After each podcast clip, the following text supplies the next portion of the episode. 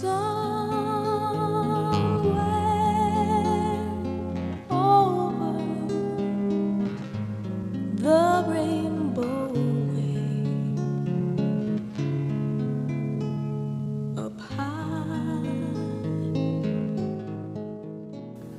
alltså idag är jag jättelycklig.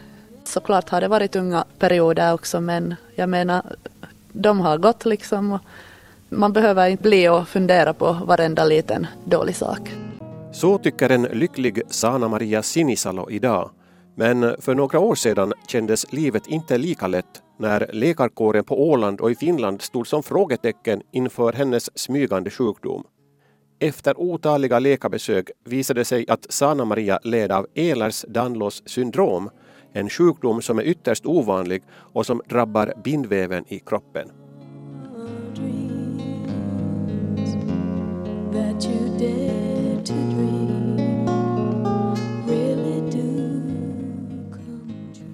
Sedan diagnosen blev känd kan Sana Maria hantera sin sjukdom på ett helt annat sätt. Dessutom har hon fyllt sitt liv med en mängd fritidsintressen av vilka ett kan föra henne så långt som till de paralympiska spelen i Peking år 2008. Sana Maria Sinisalo är idag 36 år. Hon är född i Mörskom i östra Nyland men efter en tid flyttade familjen norrut till Puolanka 100 kilometer norr om Kajana och bodde där i några år. Sedan gick flyttlasset igen söderut och familjen Sinisalo beslöt att bosätta sig i Tammerfors. Då var Sanna-Maria omkring tio år gammal och började i fjärde klassen i Tammerfors svenska samskola. Det var inte helt lätt att komma till nästan helt finskspråkiga Tammerfors för familjen Sinisalo. Mamman var helt svenskspråkig, pappan tvåspråkig och barnen halvspråkiga. Det var ungefär så, jo. Att språken blev helt blandade i huvudet och engelska var med där ännu och så. När du var då i 10-15 års åldern, vad hade du för drömmar om vad du ville bli då? Då var jag ju ännu och idrottade jättemycket med friidrott och trodde att det var väl det enda som man kunde göra då.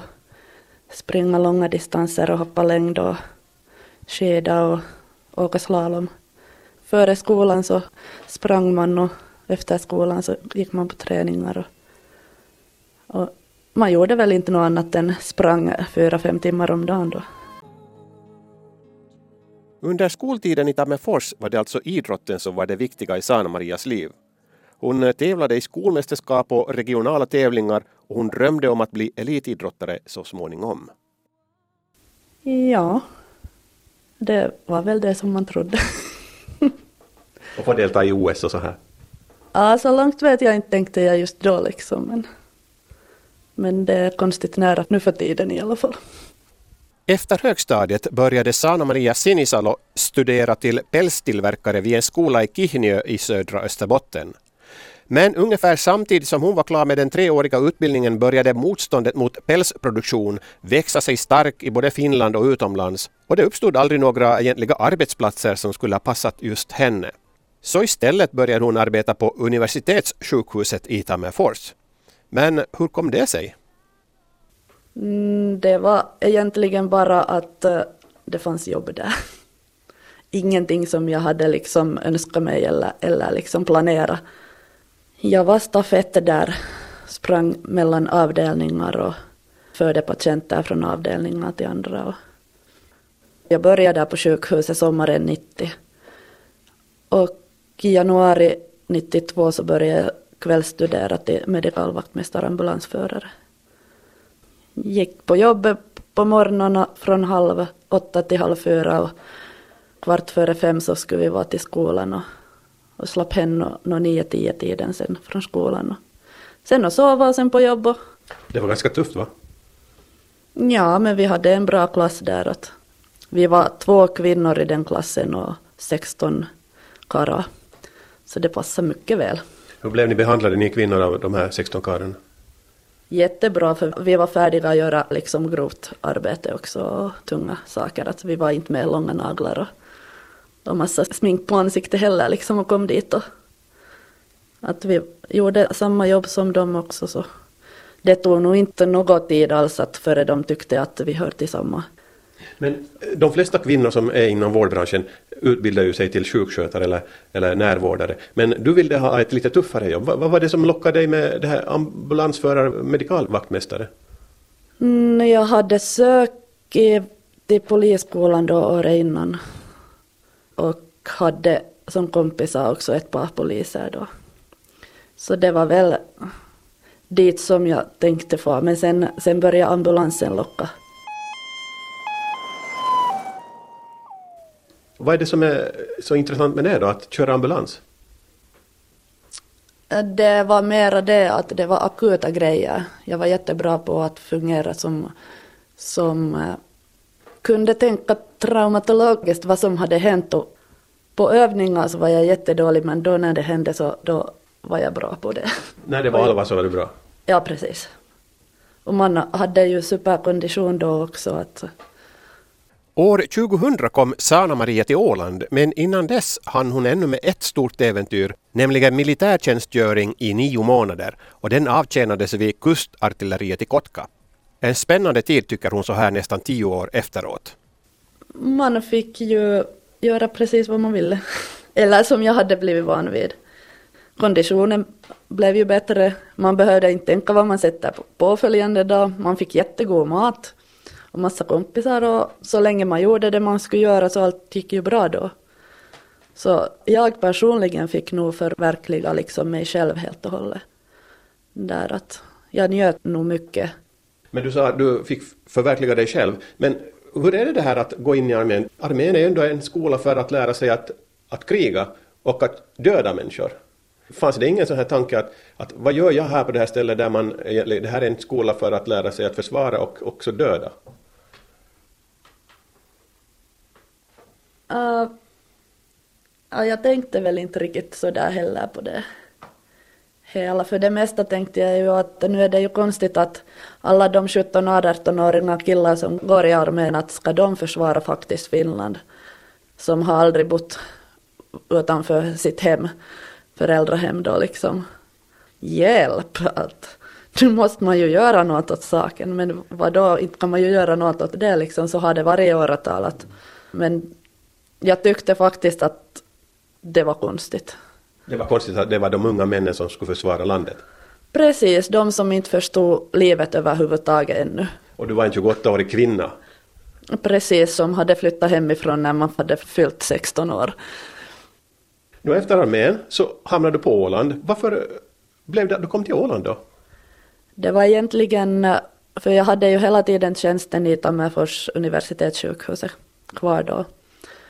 Och jämt ett år efter armén så flyttade jag till Åland efter två veckors tänkande.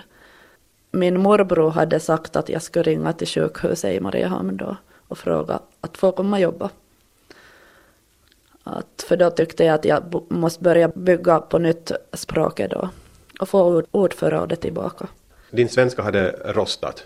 Det hade rostat även fast jag hörde svenska varje dag men jag pratade ju aldrig svenska för man var ju rädd att bli stenad och liksom skuffad och whatever. Att svenska var något som man inte använde på vardagen. I Tammerfors? I Tammerfors, precis. Det var tufft helt enkelt? Det var tufft nog. Och då tänkte jag, nu åker jag till Åland så där får man prata svenska i alla fall? Jo, jo. Och får ett jobb? Jo, att då hade jag ju fått skolning i det som jag ville ha då i Tammerfors och sjukhuset ville inte byta min ordinarie tjänst som stafett då till ett tjänst äh, till akuten där för att där var det så att även fast man är medikalvaktmästare ambulansförare som kvinna så får du inte ett jobb från akuten. Och det tyckte jag ju inte att var rätt så man fick väl bråka mycket med det liksom där. Men de ändrade inte tjänsten liksom till ett sånt som man hade fått skolning till. Men sen så fick jag den möjligheten i Mariehamn då.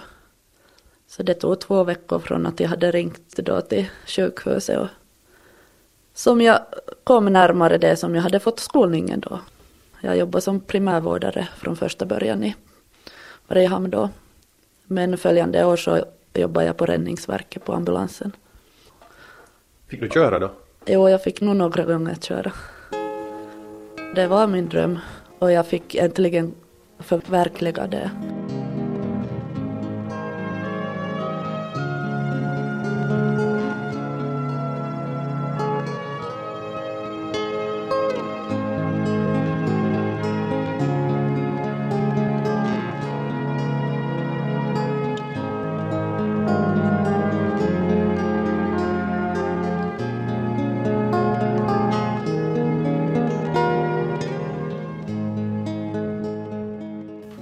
Hur blev du accepterad av killarna på Räddningsverket när du kom dit som ambulansförare?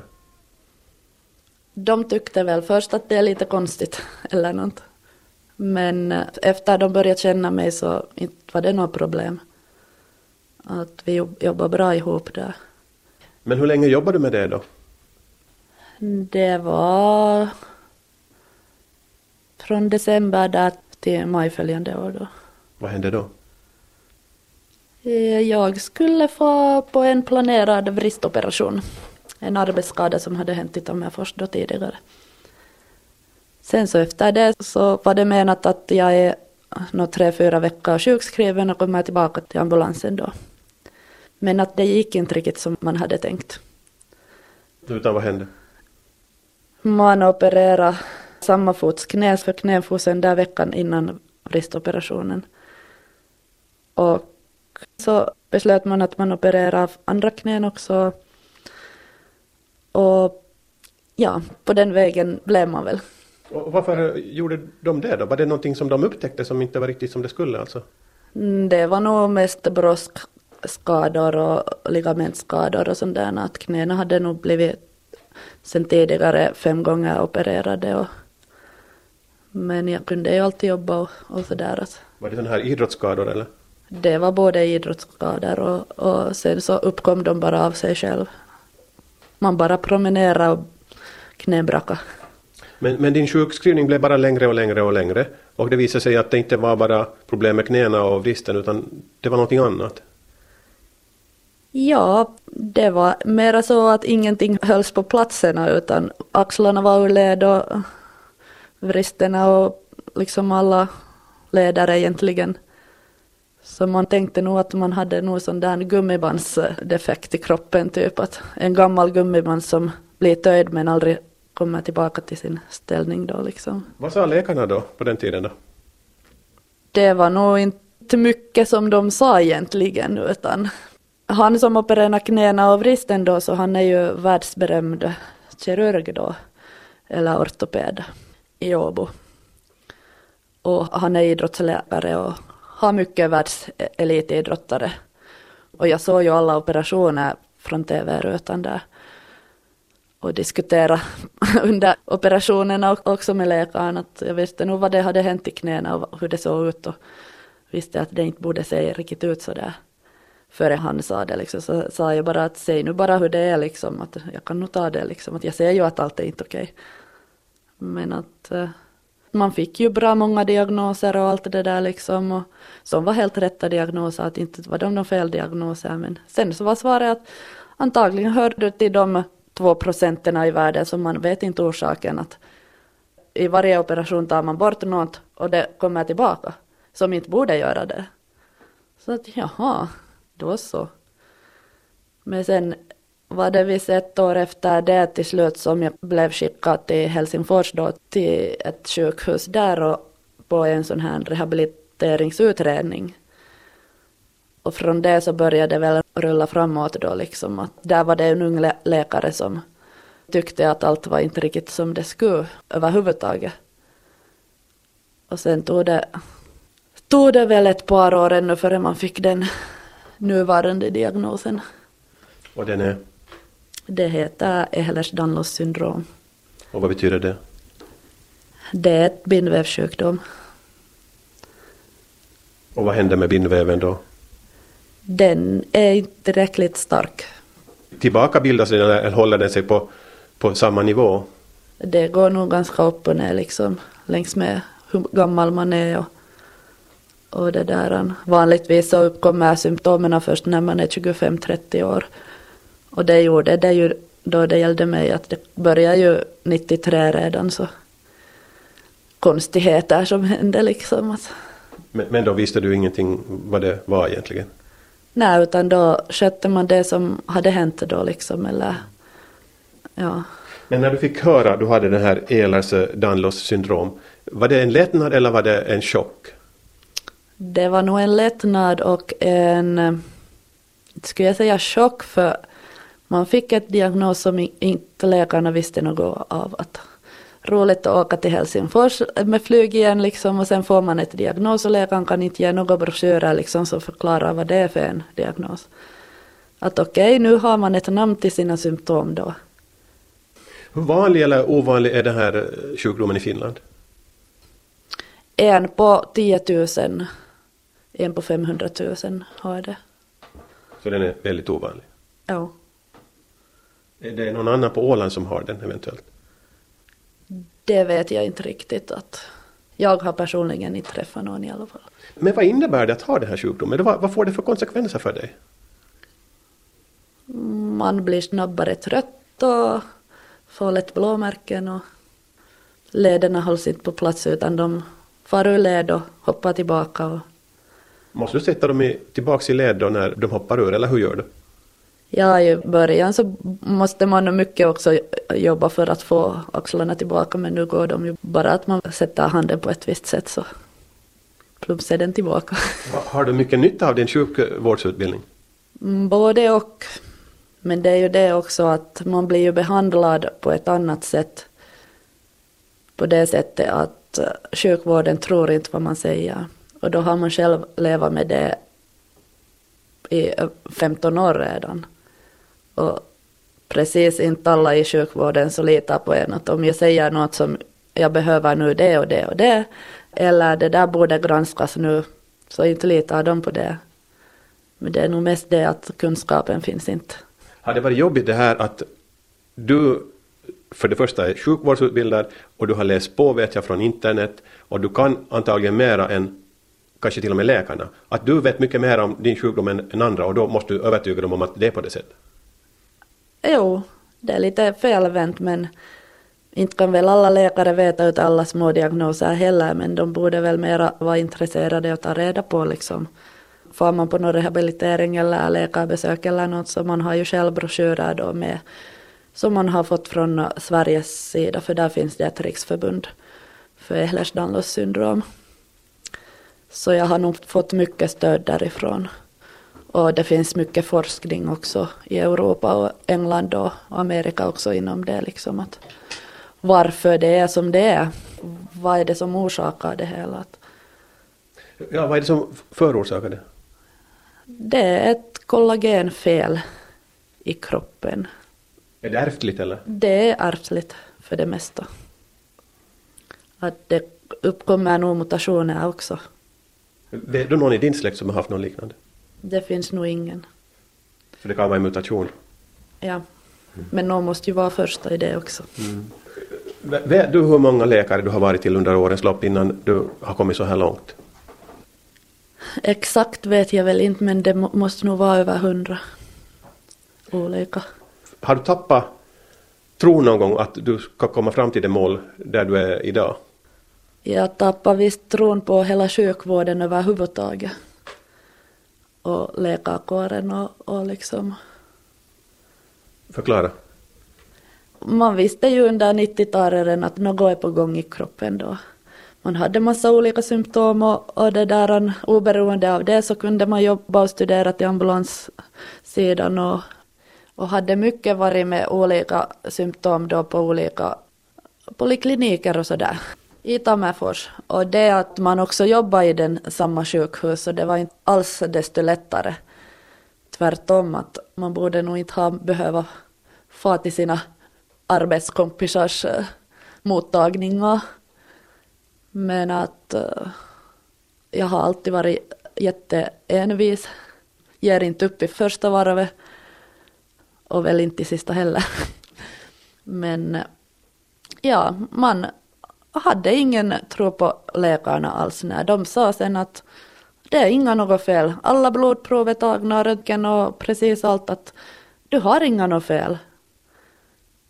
Och man visste ju att man hade fel. Man hade ju blivit opererad flera gånger i knäna och, och man visste ju att eh, Man får lätt blåmärken och ärrbildnaden blir inte bra.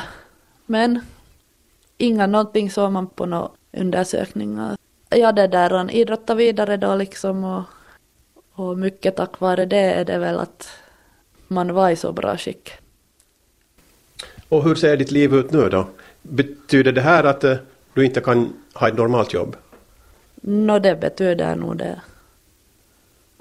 Är det ledsamt det då? Både och. Man har ju jobbat mycket sedan tidigare, att man har haft flera jobb och nästan ingen fritid alls man har trivats på Åland så jobbar man på ambulansen och sjöräddningen och, och inhoppare på sjukhuset eller där på Gullåsen så man hade en ledig dag på de sex månader och sen plötsligt så blev det som det blev. Så när du blev sjukskriven för din vristoperation, sen dess har du inte gått tillbaka till något jobb? Det stämmer. Jag frågar Sana Maria om hon blev deprimerad av att hamna i den här svåra livssituationen. Nej, det blev jag egentligen inte, säger hon. Men enligt läkarkåren borde jag ha blivit det. Så det här hade varit mycket bråk om. Man var sjukskriven, fick inga inkomster på över ett år. Det var mycket bråk liksom att få den sjukdagpenningen eller rehabiliteringsstödet som det hette då. Och allt det där att rättegångar hit och dit. Och man visste ju att man inte hade fel. Man visste ju vad det var liksom. Att de påståenden liksom så underskrev jag nog aldrig att jag skulle ha varit deprimerad. Tvärtom, jag var förbannad alltså. På det som inte fungerar i omgivningen. Skulle du kunna säga att du behövde vara frisk för att orka kämpa emot det här motståndet? Jo. Till hundra procent kan man säga just sådär. Det var nästan ett jobb? Det var mera än ett jobb. Aldrig någonsin så har jag hamnat fylla i så mycket papper och så mycket bråk som jag gjorde då. Att, och då var jag inte någon teoretisk utbildad bra heller på det liksom att jag har svårt med både svenska, finska och engelska. Att alla språken vimlar i huvudet. Så det är inte något enkelt att få något på ett språk på papper heller. Och inte tror jag att det skulle ha räckt fast man skulle ha varit jurist heller. För man tänkte nog ofta att man borde nästan vara jurist för att klara av. Men sen sa min jurist att det räcker nog inte bara med det heller. Hur tycker du att sjukvården på Åland behandlar dig då? Eller har du haft så mycket att göra med det här? Det var ju egentligen så att eh, då jag var här på Åland redan när vristen och knäna blev opererade då i Åbo. Så efter att ha bråkat två år att få en läkare här på Åland så var det nog faktiskt härifrån som man skickade mig till ärftlighetskliniken i Helsingfors då och varifrån det sen började komma diagnos. Så du har haft på något sätt eh, stöd härifrån? Ganska lite måste jag nog faktiskt mm. säga. Men det stödet som har varit så är väl naturen och havet. Att, och mycket också musik. Då hittade jag en artist också som heter Eva Cassidy som, som gav nog mycket krafter. Och du har hittat ännu en sak som har betytt väldigt mycket för dig och som kommer att betyda säkert mycket i framtiden. Och det ska vi återkomma till, men vad är det? Det är bågskytte. Att under de här åren, första åren av sjukskrivningen så försökte man ju hitta ett idrottsgren som man skulle kunna utöva. Ja. Men att då så småningom så började jag använda rullstol också, så det var inte något lätt att hitta någon idrottsgren. Jag tänkte mycket på det att jag skulle börja simma mer än vad jag gjorde för jag var ju mycket att simma och dyka och sådär. Så vattnet var en bra element för mig. Men då man blev jättetrött utav den, då jag är sån att det är allt eller inget, jag menar det är full fart det man gör, så blev man igen så jättetrött av det. Men sen var jag på ett rehabiliteringsställe på fastlandet och, och fick där prova på bågskytte och på den vägen är jag. Och jag är supernöjd med det. Ja,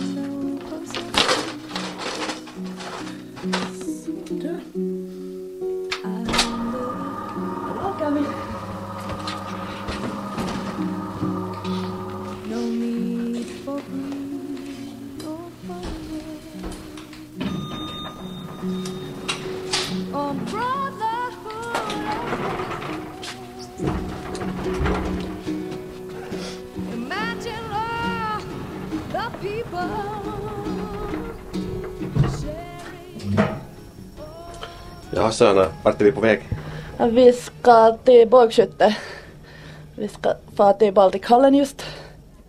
Och det passar sig så bra att du bor nästan eh, granne med Baltikhallen. Jo, det är bra när det är bara några hundra meter dit. Och nu är det fin sol idag så ljuvligt att vara ute. Men eh, att ta sig från din lägenhet här på Måsvägen, det är ju inte alltid så himla enkelt eftersom du sitter ju nu i rullstol och rör dig i rullstol.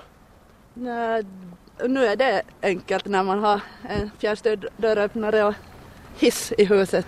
Och nu är det asfalterade gator här så, så nu är det väl sådär. Det går ganska bra. Jo. När vi pratades vid här innan så när du var inne i lägenheten då rörde du ju dig utan rullstol. Att du måste inte sitta i rullstol hela tiden inte. Jag måste inte, jag får sitta i rullstol. Det är ingen nackdel. Det känns naturligt för dig. Jo, betydligt lättare. Hur har du det när du rör dig längre sträckor? Har du bil? Jo, det har jag. Hur är den anpassad då? Nå, just nu är den bra anpassad. Känner du dig på något sätt isolerad med ditt handikapp? När det gäller liksom att hälsa på folk och sådär? Jo, no, det är det ju nog. Att oftast är det ju massa trappor och trösklar och så vidare så man väljer nog när man ska besöka sina kompisar och släktingar att på sommaren kan man ju alltid vara ute så det är inte så dåligt på sommaren men på vintern så är det massa snö och slask som är hinder. Nu är vi ju på väg till Baltikhallen då som sagt och eh, du ska träna bågskytte där idag. Hur ofta är du där och tränar? Hela den här vintern så har jag varit där på vardagar fyra gånger om veckan. Sen går jag också då i bågskytteförenings träningslokal en gång i veckan. Så det blir ganska många timmar du tränar? Det blir nog över tio timmar endast bågskytte men sen är ju all övrig träning. Man ska lite styrketräna och annars konditionsträna. Du har hållit på i, ungefär två år med den här bågskytteträningen visst? Äh, jo. Har du tränat lika hårt hela tiden? Nej, det är nog mest nu sen förra hösten som jag har kört hårt. Har du någonsin kört omkull med rullstolen? Äh, jo, det har jag nog gjort. Hur gick det då? Nå, det gick nog helt okej till slut. Även man har åkt ambulans efteråt så. Det kan hända även den bästa. Äh, jo, jo. Men inte ska man vara försiktig i sina rörelser heller för då jag i alla fall njuter inte om långsamhet. Så det ska nog vara fart. Men njuter du av att sitta i rullstolen och rulla på de här hjulen lika mycket som när man går ut och promenerar? För tillfället nog. För att jag orkar inte gå så långa sträckor. Gjorde ont varje steg man tog.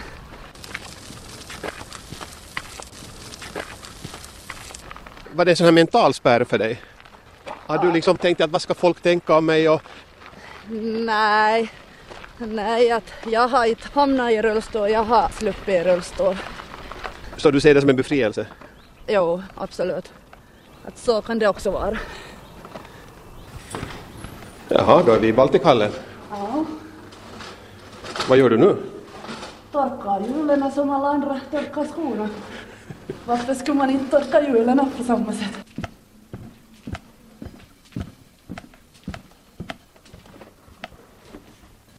Ja, nu sitter du och ställer i ordning pilbågen. Jo. Det är ingen styrkegren det här. Utan det är en rent teknisk grej det här. Vad är det för en båge det här då? Det är en olympiabåge, en rekurve, som det kallas också. Men jag förstod på en tidningsartikel om dig att eh, det är inte alla som skjuter handikappbågskytte som använder olympiabåge.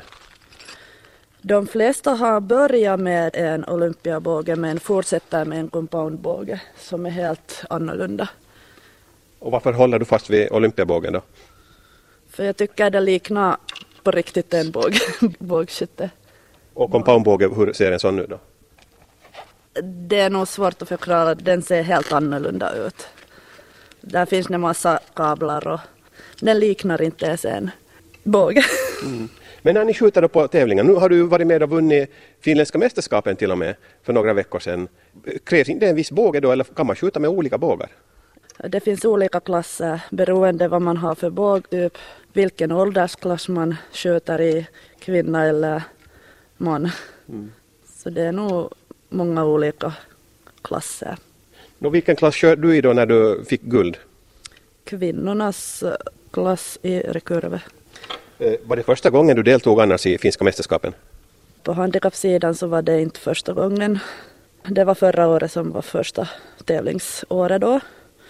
Och men nu i år så var det första gången som jag har deltagit i allmänna klasser också. Också allmän FM-tävling. Men om vi börjar med den här eh, handikappbågskytte FM. Hur kändes det att, eh, att få guld då? Det måste ju vara en otrolig känsla. Eller? Nu var det ju helt roligt ju. Att man hade beslutat sig att man tar inte silver som förra året. Och nu räckte det till en guld då. Har du firat mycket? Ja, inte nu så. Man nollar nog direkt efter tävlingarna och, och fortsätter träna sen.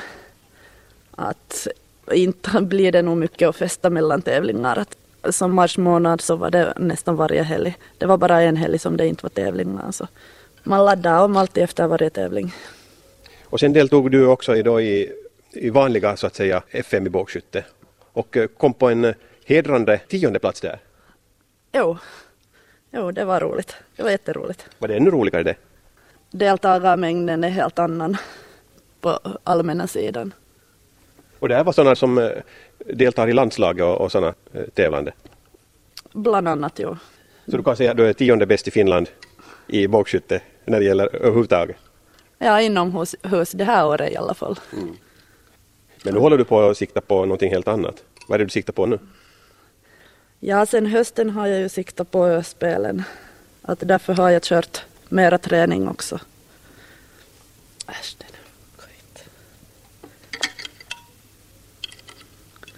Vad är det du gör exakt nu? Jag sätter ihop, ihop den här bågen med utrustning. Eller all utrustning då. Siktar du på att ta guld i öspelen också?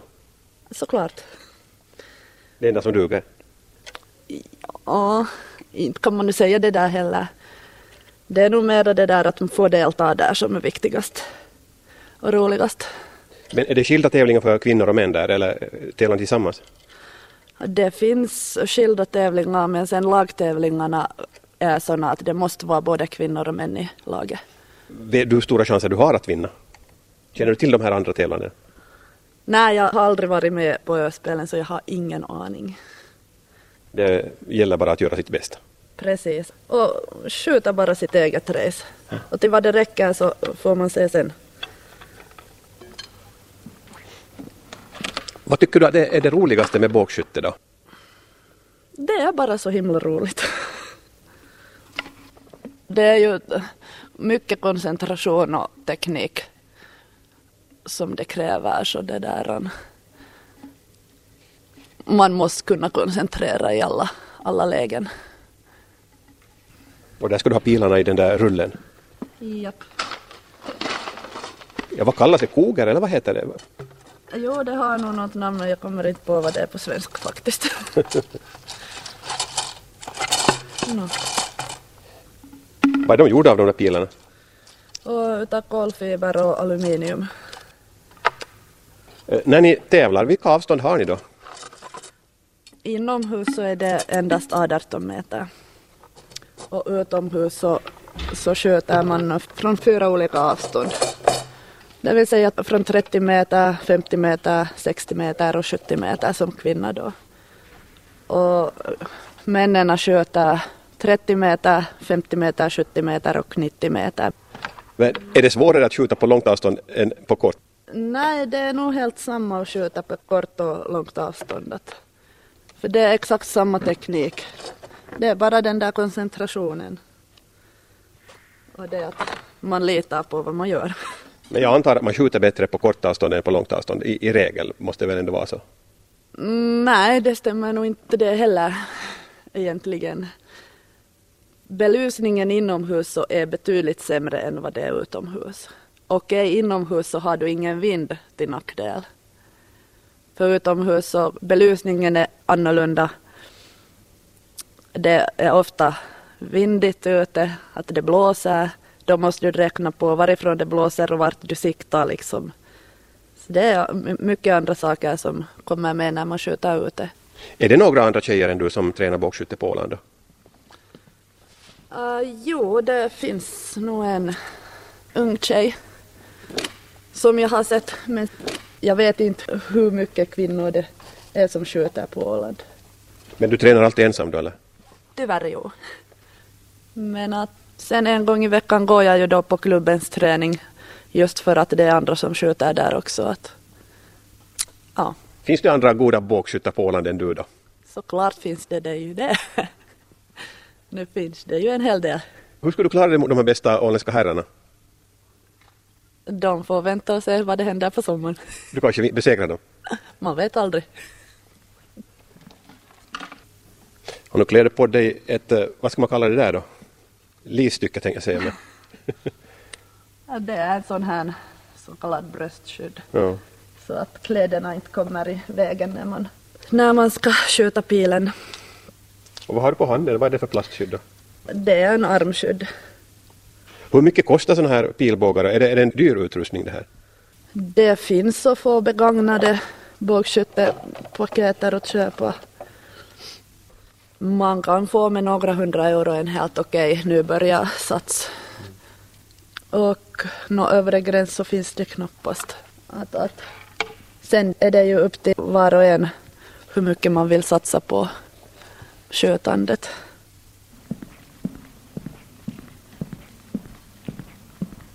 Ja, det skulle vara nya tavlor idag då förstås. Eller skjuter du på gamla tavlor? Jo, det duger nog på träning. Och så ska du placera in tavlan på rätt. Ja, så att lampan kommer passligt. Så du får bästa tänkbara ljus? Jo. Ja. Är du så bra så du skulle kunna skjuta ett äpple från mitt huvud om jag skulle stå här istället? Uh, Som Wilhelm Tell gjorde? Jag tror jag inte skulle våga göra det. Och så ska du mäta upp avståndet? Jo. 18 meter.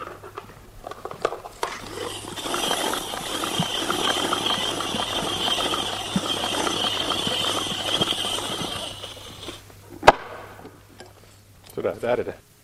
Är den här Baltikhallen bra just för bågskytte tycker du då eller? Jo, för min del är det åtminstone.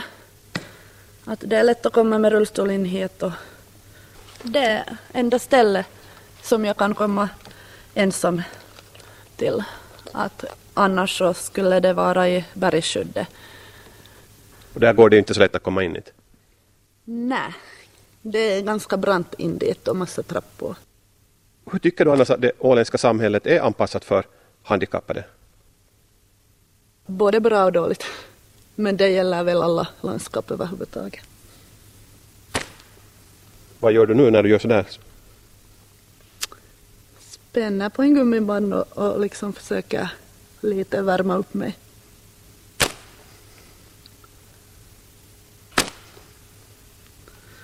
Musklerna ska vakna.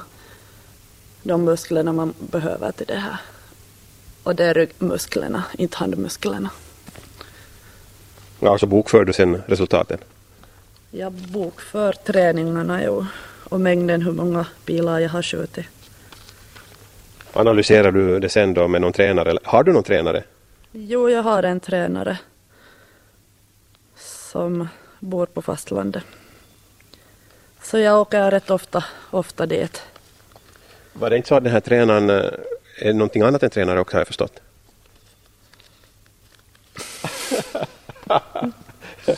ja, ja. No comments. ja, lyssnarna får dra sina egna slutsatser. ja. Men han är en bra tränare? Han är bästa som jag kunde få i Finland i alla fall.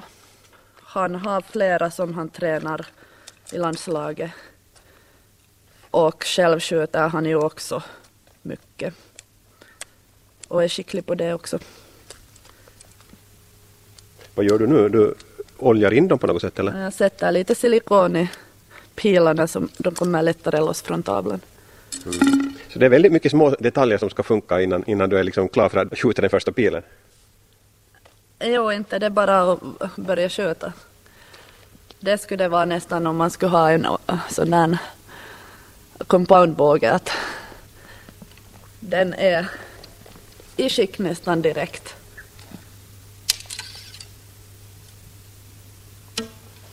Får du ha liksom den nedre delen av bågen på golvet? Det får jag ha. Som när du tävlar i handikappklassen? Överhuvudtaget. Alltså det betyder att alla får ha det om de vill? Det är ingen vits för stående att ha det på marken. Oftast har de ju då nedre delen så har de ju på sin sko eller mm. Hur många pilar brukar du skjuta innan du går och kollar resultatet? Jag skjuter inte resultat alltid. Jaha. Att det är mycket olika. Det är teknik och, och liksom man skjuter mycket på tomt också så det är inte så viktigt resultatet på träningarna.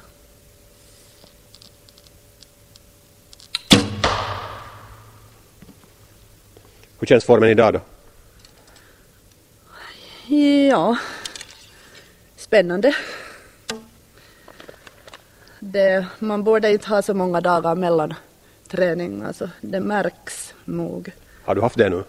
Jo, ja, senaste gången jag sköt så var på söndagen.